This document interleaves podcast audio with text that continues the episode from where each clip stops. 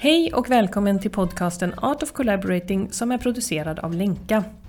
Vi vill sprida kunskap och inspiration om samverkan som arbetssätt. Och I det här avsnittet så pratar en något förkyld Anna Singmark med forskaren Marie Mörndal om boken Att takta, om organisering av samverkan mellan organisationer.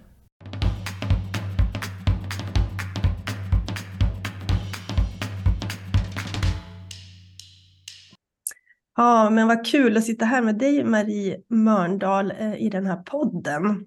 Eh, välkommen hit. Tack så mycket. Eh, och du har ju skrivit en jätteintressant bok, eh, Att takta, om organisering av samverkan mellan organisationer. Eh, och det tänkte vi då på länken var ju jätteintressant kopplat till samverkansfrågorna.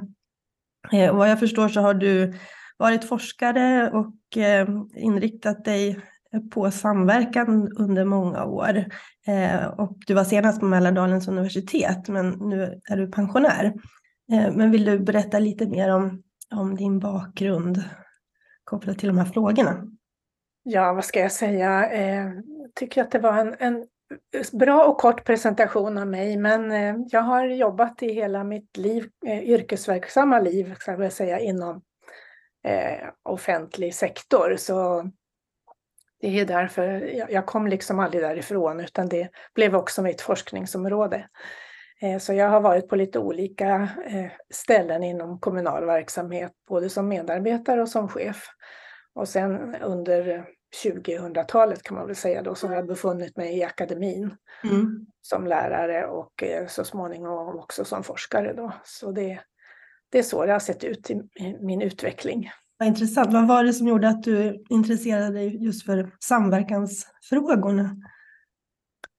Ja, men det var väl det här med, dels är jag väldigt intresserad av organisation och organisering och hur, hur saker och ting, eh, hur, hur, det blir som det blir och att det, en organisation är ju ingenting i sig utan det är ju människorna i den som är, är organisationen. Och, och, ja, det där tycker jag är väldigt spännande. Och sen blev samverkan en eh, vad ska jag säga, ett sätt att ta sig an de här frågorna helt enkelt. Och jag har ju också när jag har jobbat utanför akademin mm. sett och, och, upplevt både fördelar och eh, problem med samverkan kan man säga. Just det, så du har verkligen erfarit det också i praktiken? Ja, det tycker jag jag kan säga. Mm. Mm. spännande. Jag tänkte bara om vi, vi brukar checka in också på de här samtalen bara kring frågan vad tycker du ska bli intressant med det här samtalet? Så jag tänkte om jag börjar fråga dig, vad tycker du ska bli intressant med det här samtalet?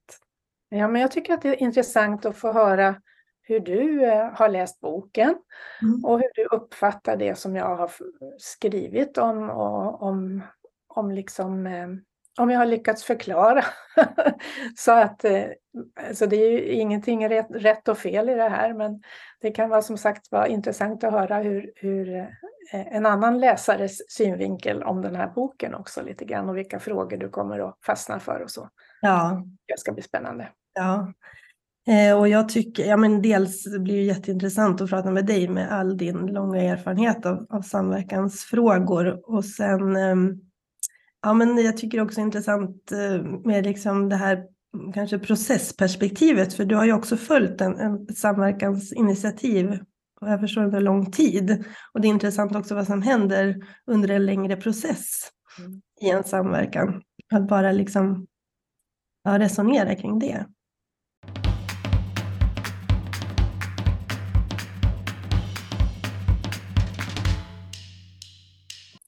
Men mm. om vi bara ska börja med, för du, du, du, du har ju eh, forskat kring samhällskontraktet. Eh, och det är ju en intressant samverkan i sig som startade redan 2006. Eh, mm. Och vill du bara berätta lite om bakgrunden till samhällskontraktet och vad det är för någonting? Jag ska väl säga att jag har inte följt det personligen sedan den tiden utan mm. eh, jag kom in lite senare i, men jag har ju genom dokument och eh, allt som finns eh, eh, ändå kunnat skapa en berättelse om samhällskontraktet på det viset. Mm. Och egentligen 2006, ja, på ett sätt kan man säga att det startade då med funderingar och mycket prat kring hur kan man göra. Det pågick en massa samverkansprojekt eh, i eh, Västerås eh, stad och Eskilstuna kommun där också Mälardalens universitet som då var högskola var involverad och, och sen såg man väl att men det här borde vi kunna göra lite bättre och mer effektivt. För man såg att man hade nytta av varandra. Och det var väl det som var egentligen den bärande eh, delen hela tiden, att man, man måste ha nytta av varandra för att kunna samverka och att det, det ska hålla i längden om man säger så. Eh, och 2009 då så, så formaliserar man det här till en samverkansplattform som man kallade för samhällskontraktet. Där då kommunerna och eh, det som då var högskola gick in med, med eh, ekonomiska resurser som gjorde att man kunde starta. Det var inte ett projekt egentligen, för ett projekt har ju ett slutdatum, utan det var, det var någonting mer det här och man var överens om att det skulle vara något långsiktigt. Mm. Ja, och sen så rullade det på och eh, en processledare anställdes som också var ett tecken som jag ser då på att man förstod att det här, den här samverkan var långsiktig. Det behövdes någon som ledde processen helt enkelt. Mm. Och det man, man hoppades få ut av det, det var ju egentligen att eh, kommunerna kände att de behövde göra saker på ett annat sätt. Och nu pratar jag, när jag säger kommuner, då menar jag eh, den mjuka sidan av kommunal verksamhet eh, som skola och omsorg och den typen av verksamheter. Mm. Och man, man tänkte sig också att det, på högskolan då fanns det många kompetenta lärare och forskare som kunde bidra med sin kunskap. Dessutom så hade eh, högskolan då ett starkt intresse av att bli universitet, vilket eh, fanns i bakgrunden också. Så att det var liksom deras eh, anledning att gå med och kommunerna sökte ny kunskap och mm. för att bättre kunna utföra sina arbetsuppgifter. Så Ja, ja. Vad intressant. Hur kom det sig, för det var ju väldigt klokt att ha det här långsiktiga perspektivet. Det ser ju vi ibland att ja, men man kanske börjar med ett kortare projekt, men ofta kräver det ju tid om man ska bygga något liksom, viktigt framåt tillsammans. Hur, hur kom det sig att man var så kloka från början och hade det här ja. perspektivet? Ja, det kan man fråga sig. Det kanske var många kloka personer som råkade befinna sig på samma ställe vid samma tidpunkt. Ja. Man diskuterar, jag vet att det här var en diskussion som, för, som pågick under ett antal år och i olika sammanhang. Mm. Som gjorde då att eh, eh, man kom fram till att nej, men vi ska nog ändå satsa lite på det här för vi kommer att få så mycket tillbaka. Ja, just det. Just det, och hitta mm. de där mervärdena då emellan mm. organisationerna. Ja, precis. Mm. Mm. Ja, men det är så intressant också när jag läste boken för att Eh, på något sätt så kan man ju följa lite av då själva samverkansprocessen i samhällskontraktet. Och ja, men det blir ju så tydligt att det på något sätt är en process och att, att de här eh, aktörerna och personerna måste liksom prata sig samman kring en massa frågor hela tiden. Allt från syfte till vad samverkan är och organiseringen och processledningen och arbetsformerna och aktiviteterna. Så det är ju lite kul också att, att följa Eh, liksom den, den diskussionen och utvecklingen. Så det är en väldigt bra beskrivning av själva utvecklingsprocessen. Vad, vad tyckte du var intressant i det, liksom att följa följa och beskriva det här över tid. Jo, men det, jag tyckte att det var roligt och det var det egentligen som eh, var mitt, eh, min ambition i början. Jag jobbade på slutet innan jag gick i pension så jobbade jag som samverkanslektor, hade en speciell, eh, speciellt uppdrag. Och då handlar det om samhällskontraktet och eh, eh, högskolan då som det var eh, fortfarande på den tiden eh, och den, de kontakterna som, som var mellan och då eh, kände jag att men det finns inget skrivet om det här liksom ordentligt utan det, finns, det fanns ju de här protokollen och det fanns eh, mycket dokumentation men ingenting samlat. Mm. Så där började jag att göra helt enkelt en berättelse om samhällskontraktet och under tiden jag skrev den så insåg jag att men det här det här kan bli lite mer, någonting kanske lite, lite mer intressant än bara en berättelse. Ja. Så det var på den vägen och så ja. började jag med det här arbetet då under medan jag mm, var yrkesverksam och sen avslutade jag det förra Mm. året. Mm. Ja, för det är ju så intressant bara att vad ska man säga, följa hur, hur diskussionerna går och hur man liksom förstår saker processuellt tillsammans på något sätt. Hur man behöver också göra det här. Ja, och det kanske man ser först när man får läsa hela berättelsen så ser Ja. man liksom bakåt. Vad, Jaha, det berodde på det och varför hände si och så. Mm. ja, eh, så att man får ju en, eh, en ganska bra helhetsbild när man har så pass mycket empiri under Mm. så lång tid. Mm. Mm. Är det, mm, vad, ska man säga, är det något i själva processen som du ser där, eller så viktiga steg som man tar över tid, som kan vara intressanta? För jag tänker att det kan ju vara lite allmängiltigt också för, för samverkan, att man måste ta sig igenom olika samtal och faser. Är det Mm. något där som du ser sådär att, Ja, dels så, eh, det har jag också skrivit om, att processledaren hade och har en jätteviktig roll mm, i att kunna eh, se alla parter och deras eh, behov och alltså, om man har en, en sån förmåga så att man är kommunikativ och social och, och eh, då kan man bidra som processledare väldigt mycket till processen för då, då eh, behandlar man alla lika och ingen part är viktigare än den andra så att säga. just det. Och det tror jag har varit en, en stor eh, del av framgången i att de, man har orkat hålla ut om jag får uttrycka mig så. Att, Mm. för det har ju varit, det är inte alltid enkelt och man har, jag vet inte om också kanske en, en del har varit att man har turats om att hålla i, varit ordförande i, den, i styrelsen då för samhällskontraktet så har man turats om. Eh, något år har det varit eh, Västerås och sen har det gått till Eskilstuna och så har man på det viset också hjälps åt att dra Just och se eh, hur arbetet går framåt och vad som är viktigt och så. Mm, mm. Ja, det, det märker man ju också, och det märker vi också i sam, eh, olika sammanhang, att just att den här processledarfunktionen är så viktig, att kunna få ihop parter på Mm. Och att den, vi tänker att den yrkesrollen är, är liksom spännande att lyfta också, eh, som en viktig roll. Mm, mm. Mm. Jag kallar det för jämför med gränsgångare som är ett sådant begrepp. Eh, Just när man går över gränser. Mm. Det kan också vara, behöver inte vara bara orga- organisatoriska utan det kan vara yrke, mellan yrken eller eh, liksom tänkta problematiska saker som egentligen mentala gränser helt enkelt. Kan man Ja. ja. säga. Mm. Verkligen.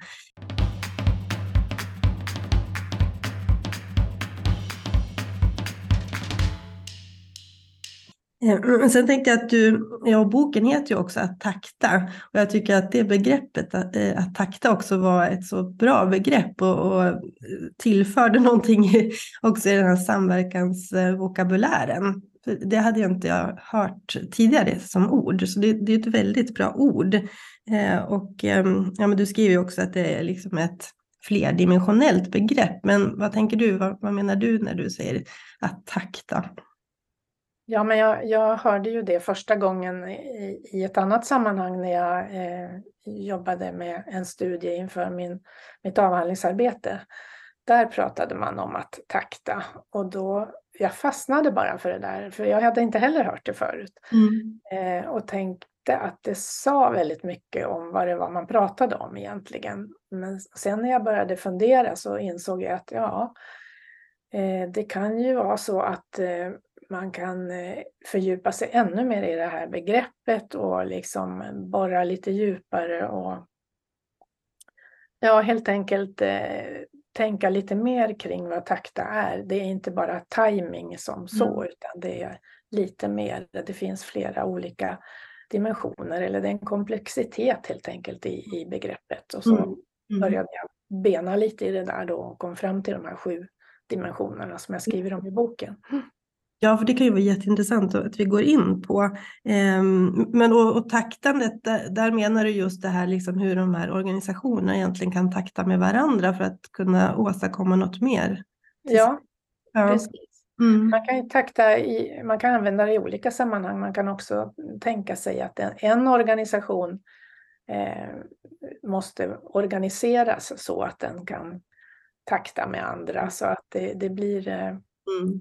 på många, många nivåer och många dimensioner. Ja, vad tänker ja. du är det som det, försvårar taktandet eh, och det där samspelet? Vad som kan försvåra? Ja. ja, jo men det är väl om till exempel ledningen bestämmer i något sammanhang att eh, här måste vi samverka om någonting och så har man inte riktigt eh, förankrat det hos de som ska göra den här samverkan om vi säger så.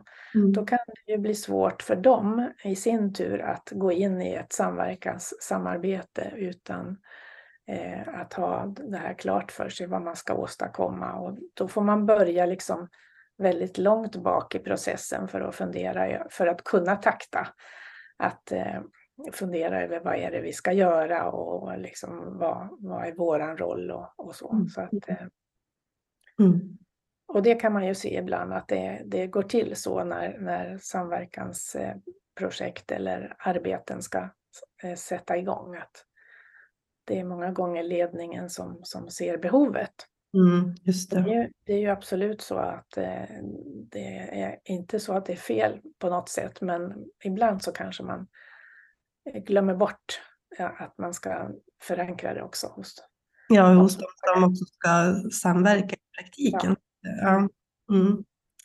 ja det är jättespännande. Eh, men det kanske är intressant att gå in på de här dimensionerna som du nämnde också, för det, det är egentligen olika dimensioner som du nämner som som du beskriver egentligen hur organiseringen av samverkan går till genom.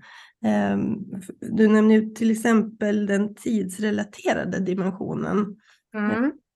Att det verkligen måste passa in liksom i samverkansparternas, vad ska man säga, ja men organisationer, både mm. framåt och att det handlar om att skapa den där liksom tidsmässiga samverkanstakten. Mm. Mm.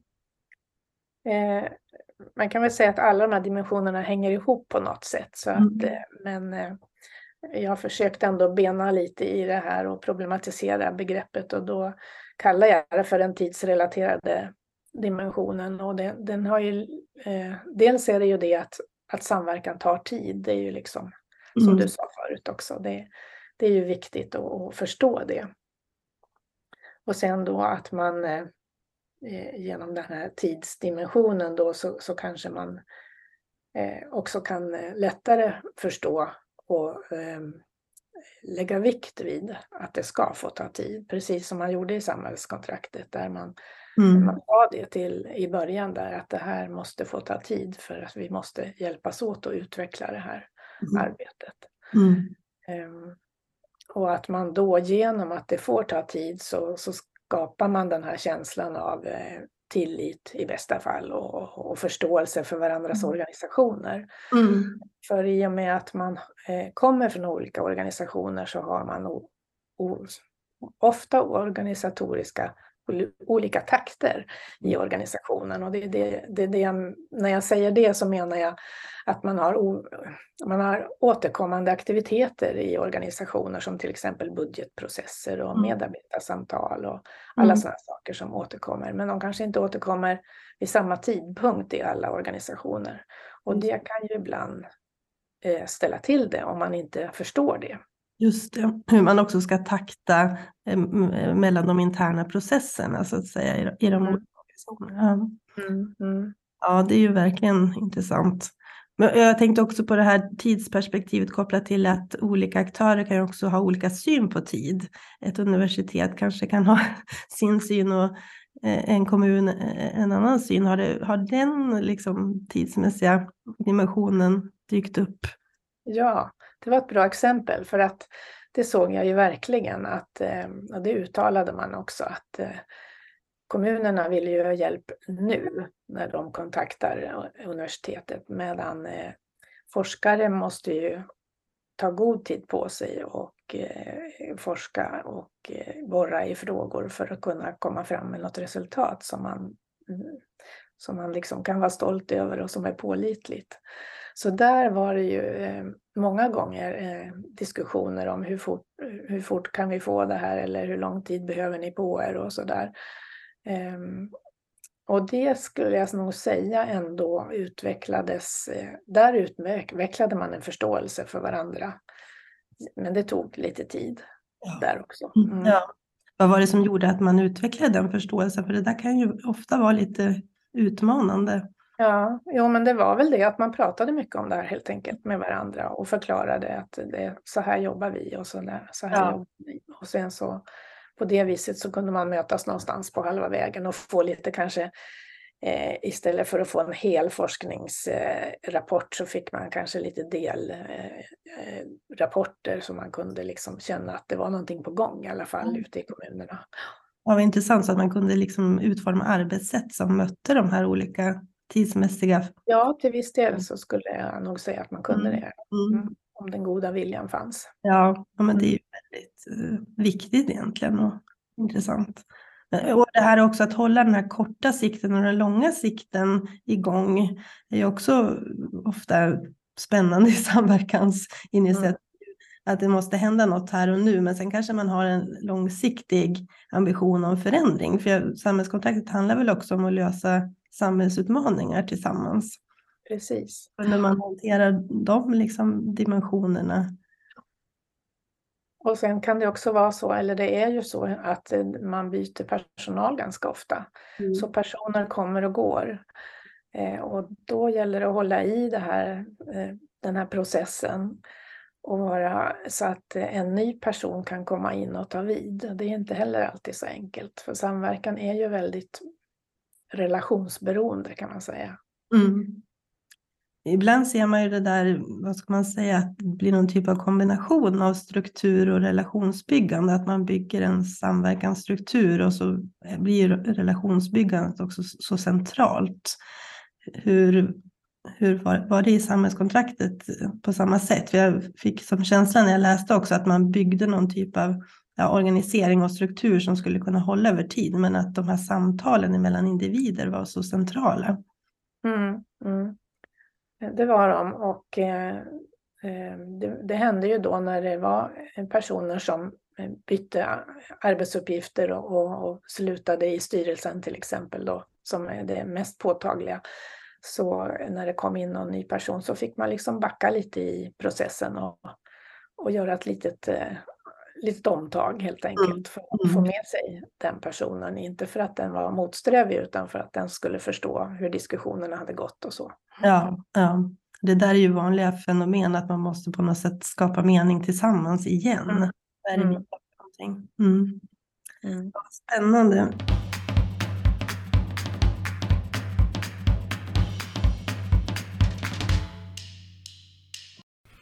Du lyssnar på podcasten Art of Collaborating och vi hoppas att du tycker att det är intressant.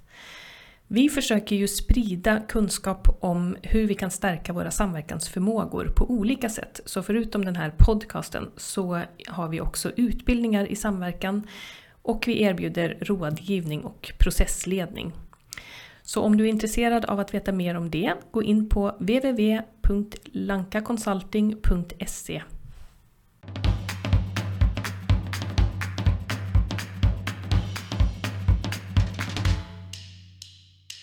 Och sen så pratar du också om den sociala dimensionen eh, och vikten av relationer och tillit och att den, den är så viktig. Mm. Och den går ju lite grann i då. Det, det är en förutsättning är ju att det får ta tid då. Men, ja. men eh, just det som, som vi pratade om nyss då också att det, det, det underlättar väldigt mycket om man har en förståelse för andras organisationer och hur, hur man har det där hemma på, på jobbet så att säga. Mm. När man ska träffa andra. Eh, och eh, det görs inte på, på kort tid utan det behöv, man behöver lite tid för sånt mm. som man kanske inte alltid räknar med när man tänker sig att man ska jobba i ett samverkansprojekt. Nej, Nej precis. Att det kräver sin, sin tid och utrymme att också bygga mm tillit och relation. Mm. Mm. Och att man kanske på något vis bör hitta metoder för det då i början så att man kan liksom mm. starta på ett bra sätt helt enkelt. Ja, för när jag läste upplevde det som att man också ändrade arbetsformer över tid, att man gick liksom mer och mer också in i någon typ av gemensamt utforskande kring frågorna. Mm. mm. Det var ju en, man började ganska, om man nu tittar tillbaka, med traditionellt arbetssätt ändå med, med olika grupper som skulle jobba med olika frågor och sådär.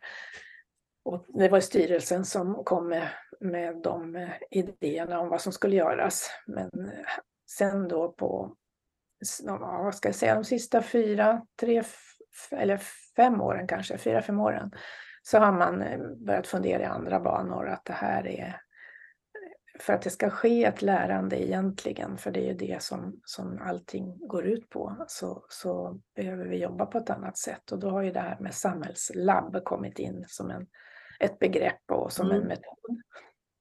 Nu ska inte jag uttala mig så mycket om hur det går nu, för att jag har inte de, eh, även om jag har lite sporadiska kontakter så, mm. Eh, jag håller mig till min bok eh, och vad jag fick reda på där. Och den slutar ju då 2021. Ja. Och då har man ju påbörjat ett, ett nytt, väldigt eh, revolutionerande på det viset, ett nytt arbetssätt. Mm. Mm. Det är väldigt spännande. Mm. Ja, man hade idén att istället för att styrelsen formulerar vad som ska göras så ska det komma underifrån då från medarbetarna. Mm. Det låter ju väldigt spännande tycker jag. Ja, verkligen. Och att det liksom visar också på att man liksom testar olika arbetsformer egentligen för att samverka och skapa något nytt tillsammans.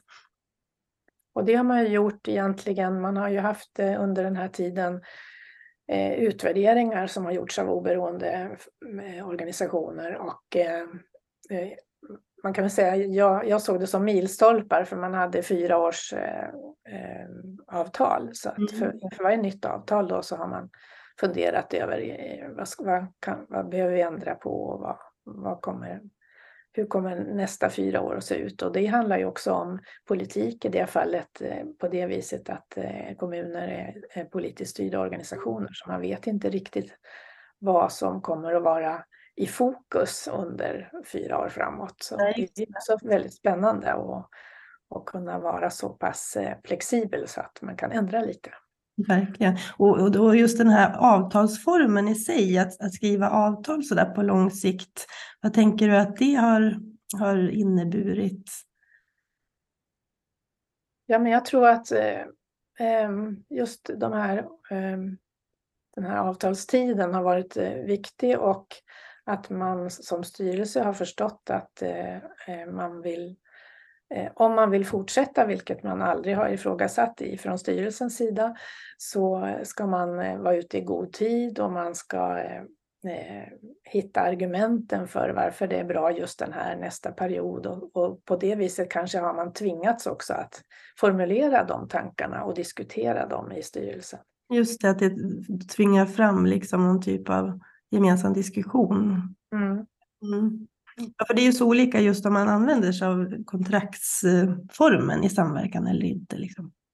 Ja, just det, precis. Mm. Det mm. finns olika varianter. Ja, men det, mm. det känns ju som att kontraktsformen har kunnat bidra till långsiktigheten också. Ja, man kanske kan säga det. Mm. Ja, ja. Ja, spännande. Sen pratar du också om den symboliska dimensionen och liksom vikten av ett gemensamt språk och hur man kan underlätta för att förstå varandra. Mm. Mm.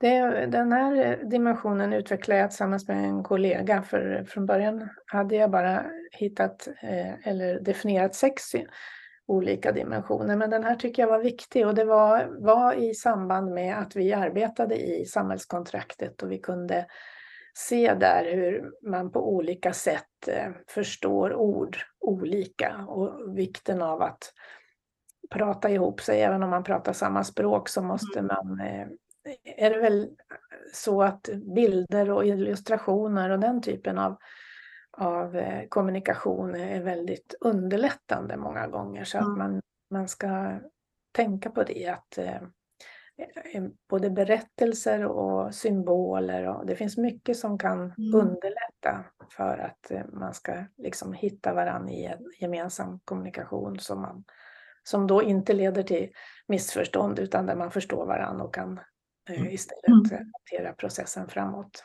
Ja, verkligen. Att liksom allt som hjälper oss att förstå något nytt tillsammans liksom också visuellt eller som du säger med berättelser kan verkligen hjälpa processen framåt. Mm. Mm. Men det här med gemensamt språk då, för jag tänkte eh, det är ju svårt att få ett gemensamt språk. Man kommer från olika sfärer och sådär. Ehm, vad tänker du kring det? Eller man kan ändå prata sig ihop sig på något sätt för att förstå varandra bättre. Ja, jag tror nog att det, det blir ganska tydligt om man har olika tankar om vad ett ord betyder. Så att då kan man nog eh, bara vara lite lyhörd mot varandra så, så kan man liksom diskutera sig fram till. Ja. Har vi den här sociala aspekten igen, att eh, prata med varandra så man förstår varandra. Mm. Mm. Mm. Vi brukar prata om det här med tolkningssammanträde också, att man kanske, ingen kan liksom ha ett tolkningsföreträde kanske kring ett ord eller så, men att man kan bara synliggöra de olika tolkningarna av, av ett begrepp. Mm. ja. det, det är ja. ett bra mm. begrepp, ja precis. Ja. Tydliggör man också att, att det, man kan ha olika ås, äh, åsikter om vad, hur, hur, det ska användas och så. Ja. ja, och ibland kanske vi går in och tänker att vi har lika tolkning också, men att vi inte ofta inte har det. Mm, mm. Mm. Ja, vad intressant. Och sen så nämner du också det här liksom att samverkan verkligen innebär gränsöverskridande. Mm. Det, är ju, det är väl det som gör det så spännande i sig. Ja, och det är ju inget konstigt med det, utan det är ju självklart. Mm. Eh, men det måste ändå hanteras och ibland är det lättare, ibland är det svårare. Ja. Eh, och det som jag sa förut, det kan vara olika gränser. Det behöver inte vara bara de organisatoriska, utan det kan vara andra gränser som man sätter upp mm. själv. Mm. Ibland så får man den här känslan av att man själv eh, Eh, från den organisation man kommer ifrån är lite mer speciell och inte får eh, eh, förståelse från de andra för att man kan inte göra si och man kan inte göra så för man har den här speciella situationen. Och den tror jag många känner igen och när man börjar prata om det här så kanske det är så att ja men det är inte så speciellt egentligen utan det är bara det att man, man känner det själv. Ja, just det. Man har vissa rutiner och man har vissa saker som man eh, har svårt att rucka på för så har vi alltid gjort. Men ja. när man börjar eh, öppna den luckan lite grann så kan det vara så att eh, man hittar varandra över gränsen i alla fall, för den här mm. gränsen var inte så, Just det. så besvärlig att ta sig över. Nej, man tror initialt att det är en oöverstiglig gräns. Mm. Mm. Ja. Nej, för det är intressant, du skriver ju både om organisatoriska gränser men också sociala och mentala mm. i, i samverkan. Mm, mm. mm. Och där är ju den här eh, processledaren eller gränsgångaren då jätteviktig och har en mm. viktig funktion för att hjälpa till med mm. att ut de här eller kanske till och med sudda ut gränserna om det går. Ja, ja precis att underlätta liksom för olika former av förståelse. Samtal. Ja. Eh, ja, men och sen eh, den holistiska dimensionen att verkligen ta, ta ansvar för helheten. Och det mm.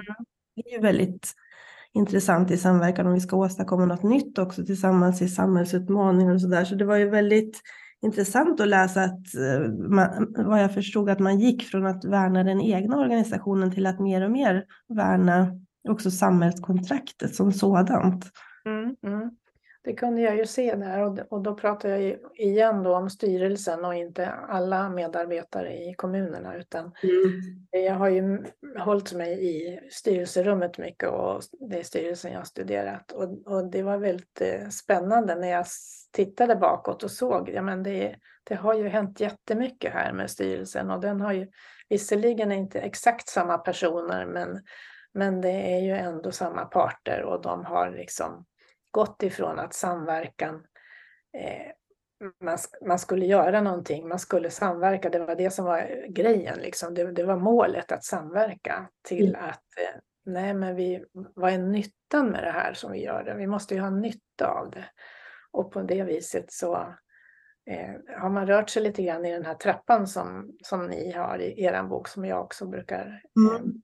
Prata lite om. Att eh, det finns olika steg i en samverkansprocess. Mm. Just det, så, så det var liksom nyttodiskussioner som har också hjälpt till att få en större, vad ska man säga, syn på samhällskontraktet eh, som en helhet. Mm. Mm, Mm. Ja. Och att man eh, eh, genom att man ser helheten så får man också eh, fördelar i sin egen organisation. Så att det, det är ju inte så att man släpper nyttan för sin, den egna organisationen utan man kan se både helheten och delarna och Mm. fördelarna med, med det. Ja. ja, för det var väl också, om jag kommer ihåg rätt, att just det här att få med sig större delar av organisationen är ju alltid en intressant aspekt också. Att det är ett antal personer som kommer samman och börjar förstå något tillsammans och ser nyttan och helheten och så ska man också kommunicera det här och få med, få med personer från, från de olika organisationerna. Mhm. Ja, det, det har ju varit, det var ju en ständig fråga på styrelsemötena eh, så länge jag var med. Att, eh, hur kommunicerar vi det här? Eh, och eh, det gick inte alltid så bra ut till medarbetarna. Eh, det var mycket lättare att göra det externt eh, på olika mässor och, och konferenser. Och, och då tänker jag att det berodde på att när man gjorde det så var man, då taktade man på rätt ställe. Man var på rätt ställe och pratade om frågorna som, som de var intresserade av, som var, deltog i konferensen. Men eh, man taktade inte lika bra gentemot medarbetarna, kanske för att medarbetarna inte eh, direkt kände det behovet som eh, eh, att få den här informationen som kom ut från, från styrelsen, utan det var en mindre grupp kanske som, som var, intresserade sig för de här frågorna just då. Mm. Medan andra medarbetare kunde ha andra behov som de Mm. behövde lösa. Ja, Och sen var det nog också så med kommunikation. Nu är jag ingen kommunikationsexpert, men jag kan tänka mig också att det handlade lite om att eh, det fanns ingen, ingen direkt mottagare från, kom, från eh, kommunikatörerna i samhällskontraktet, utan man, man gjorde någon slags mass, eh, masskommunikation eh, som, som Okej. alla skulle kunna ta del av. Och det Mm. var ju en jättebra tanke i sig, men eh, nu tror jag att man mer eh, fokuserar på vilka kan ha nytta av det här och så, så Just. kommunicerar man direkt till, till dem. Man som får den involverad på det sättet. Liksom. Ja. Mm. Mm. Mm. Så det var väl någonting man lärde sig under tiden. Ja, och det där är väl ett ständigt dilemma, den där liksom interaktionen mellan de som blir engagerade och motiverade och förstår mer och mer om samverkan och så övriga i organisationen. Mm, mm. Ja, så har vi den känslorelaterade dimensionen. Ja, jag skrattar lite för jag har inget bättre ord för det, men jag ville bara med det mena och poängtera att eh, det kan vara svårt att veta ibland vad som är rätt helt enkelt. Det har vi Mm. väl alla råkat ut för. Ska vi göra si eller så? Ska vi ta det i den ordningen eller den ordningen? Ja, Och eh, då måste man ibland använda sin magkänsla eller sitt omdöme, mm. sin erfarenhet eh, från allt man har varit med om för att på något vis säga, men vi, gör så här. ja. Vi är så här nu. Och, och Ja, man får komma vidare. ja. Mm. Och hur känner man sig fram då tillsammans? Ja, det är ju återigen den här sociala aspekten Ja. att vi måste prata med varandra. Och det, eh, det var väl lite så när eh, det var ju en, period som eh, lan- landstingen hette de då, eh, regionerna var med i det här samverkansprojekt eller plattformen. Mm. Och eh, eh, när det var tal, ganska tidigt tal om om de, man skulle släppa in fler Mm.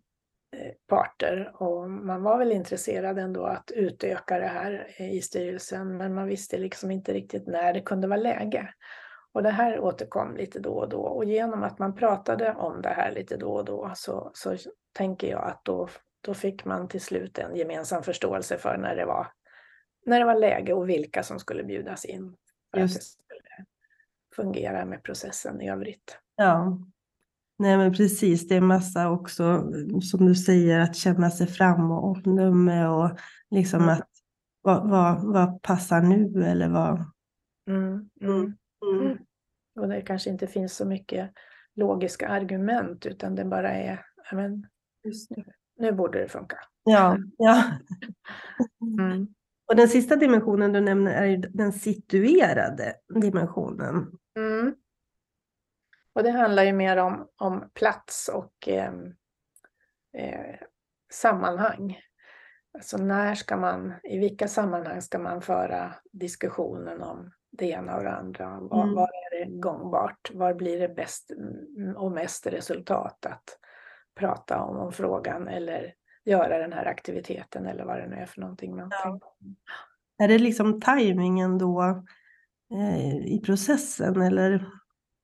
Ja, det är ju en del av eh, taktandet då mm. att eh, eh, som jag beskrev tidigare, den här externa kommunikationen till exempel som fördes på, om man säger rätt ställe med citat inom rätt, eh, genom att eh, det fanns andra intresserade. Man kanske inte skulle gå ut i, hade, man hade kunnat gå ut i lokalpressen eller någonting sånt, men det hade inte gett så mycket resultat som, på, med det syfte man hade.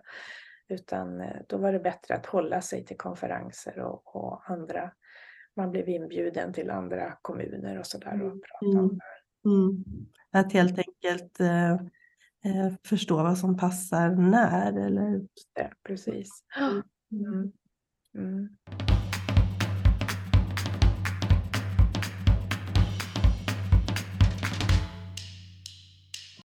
Ja, men det är ju jättebra med de här dimensionerna också som en förklaring liksom till vad som blir viktigt i taktandet.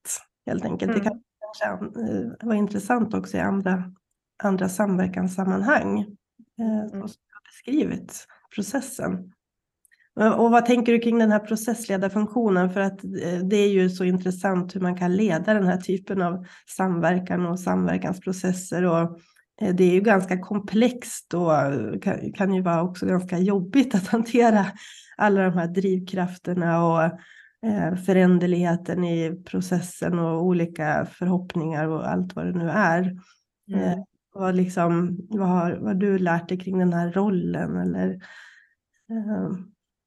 Ja, men som, du, som vi sa förut, den är ju jätteviktig om, och en fungerande processledare är, är liksom A och O för kontakterna me mellan parterna och i styrelsen och mellan styrelsen och politiker. Och, och eh, då handlar det ju om att man måste ha kompetensen att förstå var man har hamnat så att säga och vilka som är de viktiga spelarna i sammanhanget. Mm. Eh, och, men eh, de har ju beskrivit för mig, det har ju varit några stycken eh, under den här perioden, just det här med ensamheten.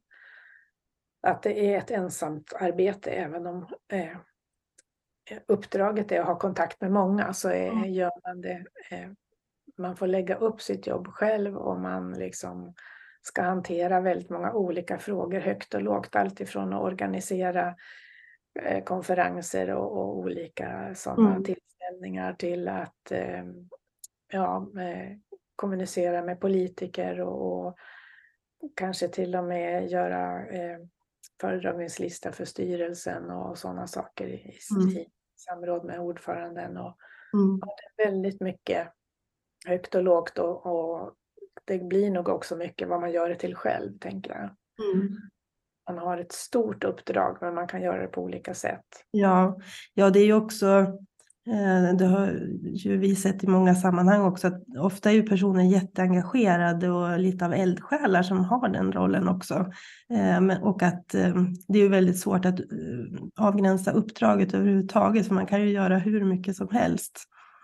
Precis. Den här rollen. Mm. Men det var intressant det du sa också det här att man man kan vara ensam fast man kommunicerar med så många för att man kanske kan uppleva en ensamhet i rollen. Mm. Ja. Det är just rollen som är, mm. är det, den enda som finns då. Ja. Ja. ja. ja, det där tycker vi är lite spännande hur, hur vi kan kanske skapa nätverk eh, över Sverige med, med de personer som har sådana här roller så att man känner att man får liksom ett kollegialt sammanhang. Mm. Eh, för att det är rätt så komplext och eh, finns mycket också att lära av varandra egentligen i den där rollen. Ja, precis. Ja. Ja, men vad kul Marie. Nu ser jag att tiden går här också, men är det någonting som du tänker skulle vara intressant att prata om som vi inte har pratat om hittills? Nej, men jag tycker nog att vi har berört det som jag också tänkte mig att den här boken har någonting att säga om. och eh, eh, hur det blir i framtiden skulle jag ju gärna vilja veta också. Vi får väl se om, jag, ja. om det blir något sånt. Men eh, det är ju ändå så att eh, vi, har, vi, vi, eller du har nämnt det här med utvecklingen från, som jag tycker var viktig att, att peka på, då, från samarbete eller samverkan till samproduktion, som man kan ju kalla det för många olika saker, men just det här att när lärandet är, lite mer det är viktigare och, och man lär tillsammans framför allt. Det är inte så att den ena parten lär den andra någonting utan man lär tillsammans. Det, är, det är som eh, grundbulten i hela samhällskontraktet. Ja. ja. Mm.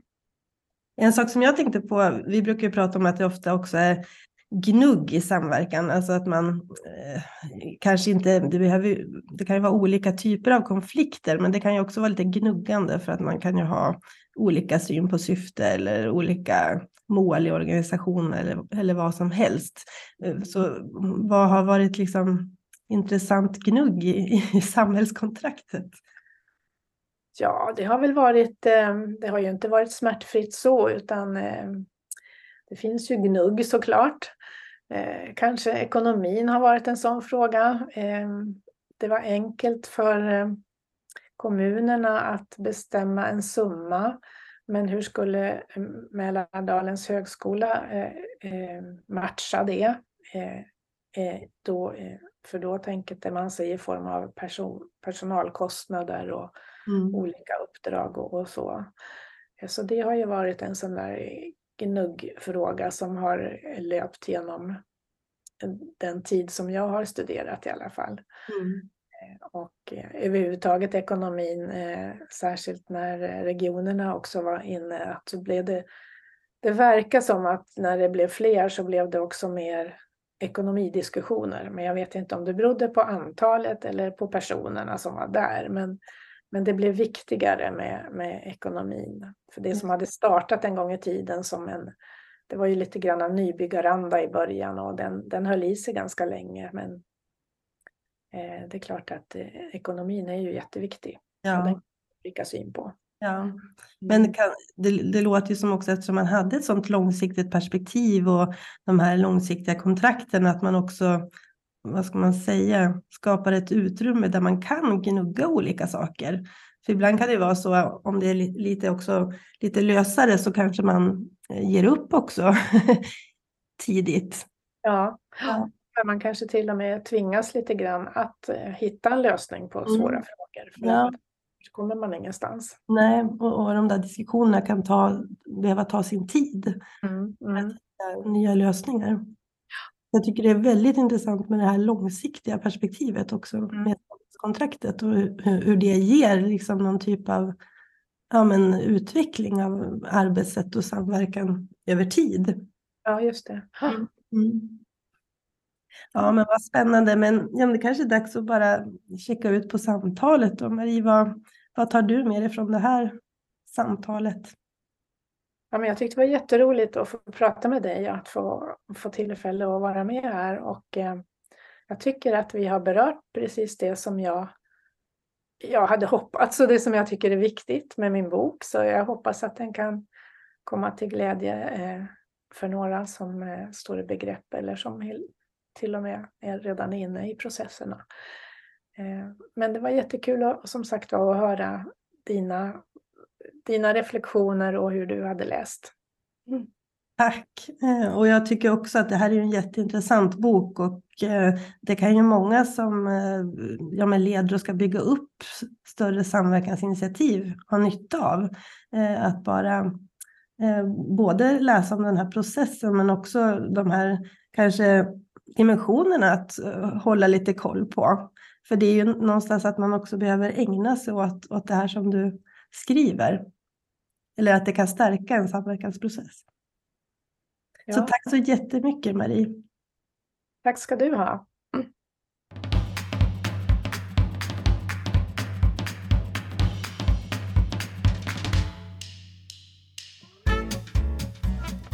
Tack för att du har lyssnat på vår podd. Vi hoppas att du tyckte det var intressant. Om du är nyfiken på att veta mer om vad vi gör på Länka så kan du gå in på www.lankaconsulting.se och läsa mer om våra utbildningar, tjänster och publikationer.